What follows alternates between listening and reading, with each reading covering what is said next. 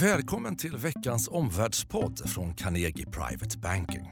Omvärldsstrategerna Helena Haraldsson och Henrik von Sydow belyser tre händelser inom makro och politik som påverkar de finansiella marknaderna. Klockan är 10.43. Det är torsdag den 14 september. Vi spelar in på Carnegie där vi förstås varje vecka följer nordisk makro, nordiska marknader och nordiska aktier. Så idag ett eh, ja, visst fokus på Sverige och Norge plus dynamiken i ekonomiskt politiskt beslutsfattande i Berlin, Bryssel och Paris. Dagens tre ämnen som vi på 10 minuter uppdaterar dig som privat investerare är följande. Först ut, återigen över 2% inflation i Sverige. Får vi högre räntor nu? Andra frågan, Norge. Vad betyder valet för investeringsklimatet? Och till sist, går vi mot mer ekonomisk integration i eurozonen?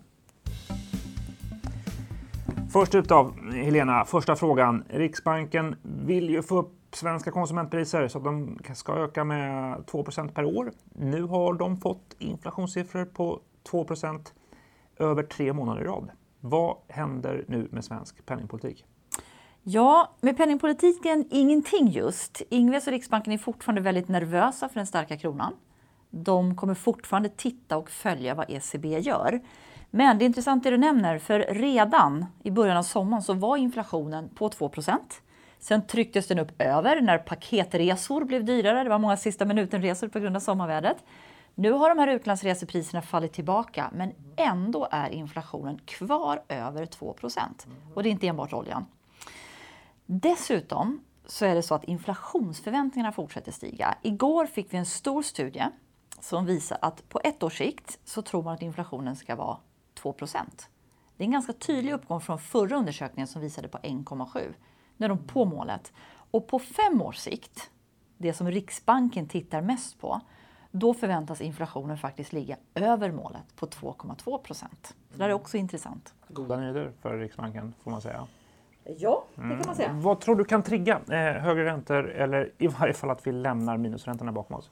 Ja, det kan man verkligen undra. Men en förutsättning är nog att inflationen ligger kvar över 2% under en längre period. Tidsaspekten tror jag blir viktig. Eh, sen kan man väl lägga till då att många centralbanker är ju i dagsläget osäkra och förbryllade. Därför att inflationen har inte stigit som man trodde, trots mycket lätt penningpolitik. Och är inte Ingves ensam över att fundera hur sambanden ser ut. Men för att uttrycka det enkelt så har vi ju två inflationskrafter då som mm, verkar åt motsatt håll. Den ena kraften det är kostnadstryck. Vi ser ju färre arbetslösa, vi ser mindre ledig kapacitet och det här ser vi i USA, vi ser i Europa, Japan och Sverige. Och till och med är det så att våra aktieanalytiker de hör om fler flaskhalsar hos underleverantörer. Och det här kan ge ett kostnadstryck. Mot det här står den andra kraften, då, det skulle jag vilja kalla konkurrens och digitalisering. Vi ser ju hur många bolag inom detaljhandeln visar svaga resultat. Så uppenbart så är det ju inte så lätt att höja priserna mot slutkund, alltså konsumenter och hushåll. Eh, ser du några, en global utblick här, några eh, spaningar från eh, omvärlden vad gäller centralbankerna och inflationen? Hur agerar de? Jag tycker ju det. Jag tycker Storbritannien och Kanada. Mm. I Storbritannien därför att där stiger inflationen. Det kan många tycka är helt självklart därför att pundet har fallit, alltså blivit svagare och då har importerade varor blivit dyrare. Men jag skulle påstå att faktum kvarstår ju ändå att det går uppenbarligen att skjuta de här priserna vidare till konsumenterna. Det är intressant. I Kanada, det är intressant ur ett annat perspektiv, där har centralbanken nu höjt räntan två gånger mm. trots att inflationen faller. De har alltså höjt räntan från en halv till en procent på bara två, tre månader. Och skälet, det är den starka ekonomin. Mm. Lite som vi har i Sverige. Intressanta noteringar tycker jag. Vad blir din eh, sammanfattning och slutsats? Ja, följ noga svensk inflation, men följ också då vad Bank of Canada och Bank of England gör och hur de resonerar. 2018 blir onekligen ett spännande år i svensk penningpolitik, inte minst med ny riksbankschef. Fråga två, Henrik. Vi har haft val i vårt västra grannland, oljeekonomin Norge, där Erna Solberg ser ut att regera vidare. Vad betyder det här valresultatet för investeringsklimatet? Ja, på marginalen är detta positivt för, för marknader och investeringsklimat. Vi vet ju att investerare alltid gillar stabilitet, gillar förutsägbarhet. Det här valresultatet tog väl framförallt kanske bort en viss osäkerhet eh, vad en ny regering som lutade sig mot vänsterpartier och Miljöpartiet skulle betyda för det som är helt kritiskt i den norska ekonomin, nämligen oljesektorn förstås. Eh, till viss del, tog det också bort en osäkerhet om de privata välfärdsbolagens mm. förutsättningar, även om det är en mindre fråga i Norge än vad det är i Sverige. Norsk ekonomi är ju väldigt styrd av externa faktorer. Jag behöver knappt nämna oljepriset som ju faktiskt inte eh, påverkas av eh, valresultatet. Nej. Men vad vet vi om vad nästa regering faktiskt kommer göra då, som spelar roll för makromarknader och investeringar? Alltså viktigt att påpeka det du sa inledningsvis här, att det ser ut som att Anna Solberg får regera vidare. Vi vet ju faktiskt inte exakt vilken konstellation eh, och koalition och, och styrkeförhållandena. Det finns en viss osäkerhet kring det där. Säkert svårt för Anna Solberg tror jag. Eh, det vi vet dock är att det finns eh, i det nya Stortinget ett brett stöd för att fortsätta med ganska stora infrastrukturinvesteringar. Eh, valresultatet ger kanske också balansen något här. Det kommer med det här valutfallet ligga mer på motorvägar än på järnvägar om man uttrycker något, eh, något mm. förenklat. Nor Norge är ju dessutom eh, Sveriges ja, nästan största exportmarknad, det varierar med Tyskland ibland. Det är viktigt för många svenska bolag eh, som är konsumentorienterade att norrmännen fortsätter att konsumera. Eh, den nya regeringen kommer sannolikt ha ambitionen att sänka skatterna något. De är ju pragmatiska och försiktiga. Eh, Solberg kallas ju ibland för Norges Merkel. Men det är förstås viktigt att ekonomin går bra för många svenska börsbolag som riktar sig mot eh, breda konsumentmarknader. Notera diskussionen om en omställning eh, i norsk ekonomi till en miljö där, där oljan blir långsiktigt kanske mindre betydelsefull med ett ökat fokus då istället på tjänstenäringar. Den diskussionen kommer säkert eh, få fart. Och en kort slutsats för privata investerare? Då? Ja, som sagt, på marginalen positivt för investeringsklimatet. Räkna med en ökad offentlig konsumtion och investeringar vad gäller infrastruktursatsningar. Ja, fråga tre, Henrik. Det rör på sig. Både från Berlin, Bryssel och Paris så talas det nu om ett närmare ekonomiskt och politiskt samarbete i eurozonen. Vilka förslag är det som är på agendan egentligen?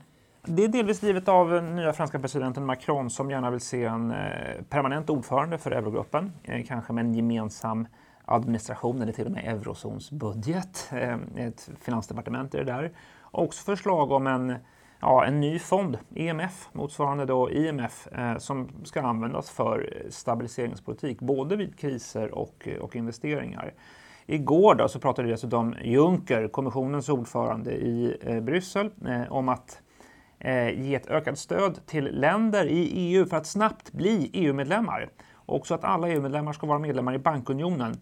Eh, så det finns ett tryck på en eh, ökad ekonomisk integration och till och med en federativ agenda får man säga från Junckers sida. Eh, hur kommer det här att spelas ut framåt hösten då? Och hur påverkas den finanspolitiska samordningen i eurozonen nu när vi har en ny president i Frankrike och vi har ett tyskt val om tio dagar? Helt rätt nämna detta förstås. Vill du veta var eurozonen tar väg politiskt så lyssna mer på Tyskland, Berlin och Merkel än på Bryssel och Juncker som förvisso har skapat rubriker idag.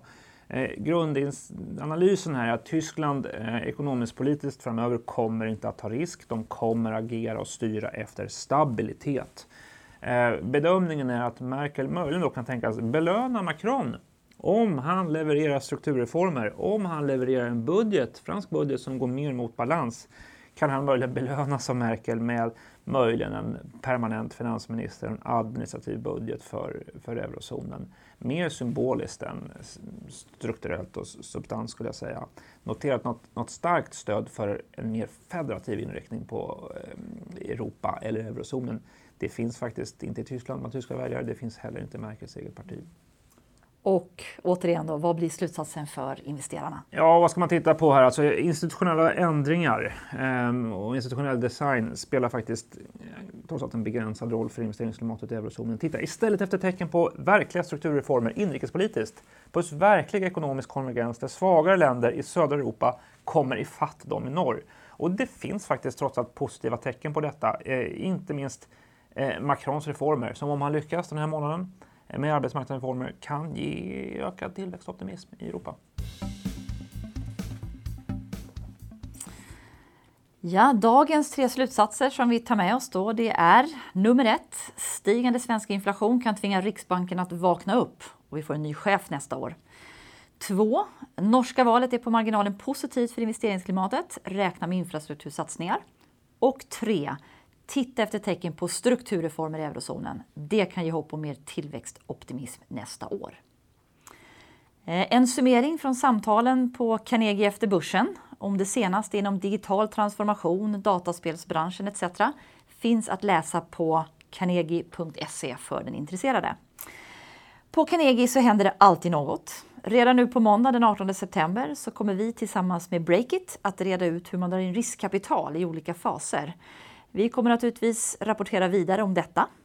Men se också till att prenumerera på podden, vårt nyhetsbrev och följ oss gärna på Twitter och LinkedIn.